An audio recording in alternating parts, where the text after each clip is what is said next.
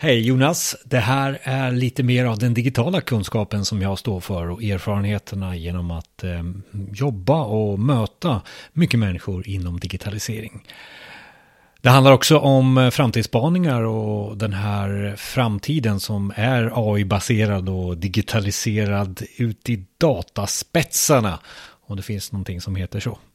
Och där kommer någonstans eh, olika poliser in och berättar för oss vad vi ska göra. Är det så att eh, ansiktsigenkänningen ska finnas där eller inte? Nu ser vi att eh, när eh, Storbritannien går ur EU, ja då är det fritt fram. Det bör de inte bry sig längre, utan har slagit på alla kameror som finns. Eh, de hade ju övervakat hela London tidigare, nu är det ännu mera kameror. Och är det här bra eller är det dåligt? Det här kan vi ju diskutera fram och tillbaka. Eh, integriteten eh, är eh, ändå den som, som vi slutar någonstans i diskussionen runt omkring och den är väldigt, väldigt personlig. Det kanske är till och med så att vi som tillhör den här generationen vem det nu är. Vi får nog avvakta lite, kanske dö ut till och med innan det här är accepterat och eh, det finns eh, AI-motorer drivna runt eh, våran ansiktsigenkänning.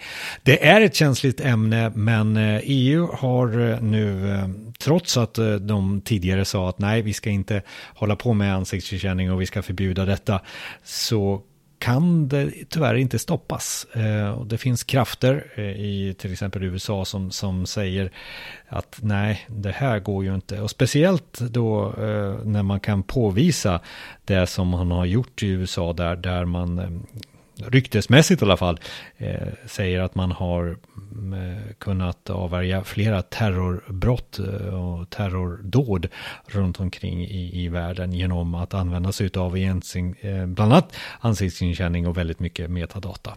Den 19 februari får vi veta lite mer om vad EU kommer att bestämma i frågan om ansiktsigenkänning. Det är i alla fall intressant att följa det här. Det här är originalartikeln som kom här för ett tag sedan. EU slopar planer på förbud mot ansiktsigenkänning. Computer Sweden, januari 30, 2020. Det har på sistone väckts allt mer kritiska röster mot utbredningen av ansiktsigenkänning i våra samhällen. Inte minst då tekniken kan användas för olika former av diskriminering och massövervakning. EU-kommissionen har tidigare funderat på att införa ett femårigt förbud mot ansiktsigenkänning på offentliga platser. Detta för att i lugn och ro kunna ta reda på hur man ska förhindra missbruk av tekniken. Nu rapporterar emellertid nyhetsbyrån Reuters att det inte kommer bli tal om något totalförbud utan på sin höjd begränsningar vad gäller känsliga platser som sjukhus och liknande. Mycket talar för att kursändringen kommer efter påtryckningar från den amerikanska regeringen som tidigare har varnat Europa för att inta en aggressiv inställning mot tekniken.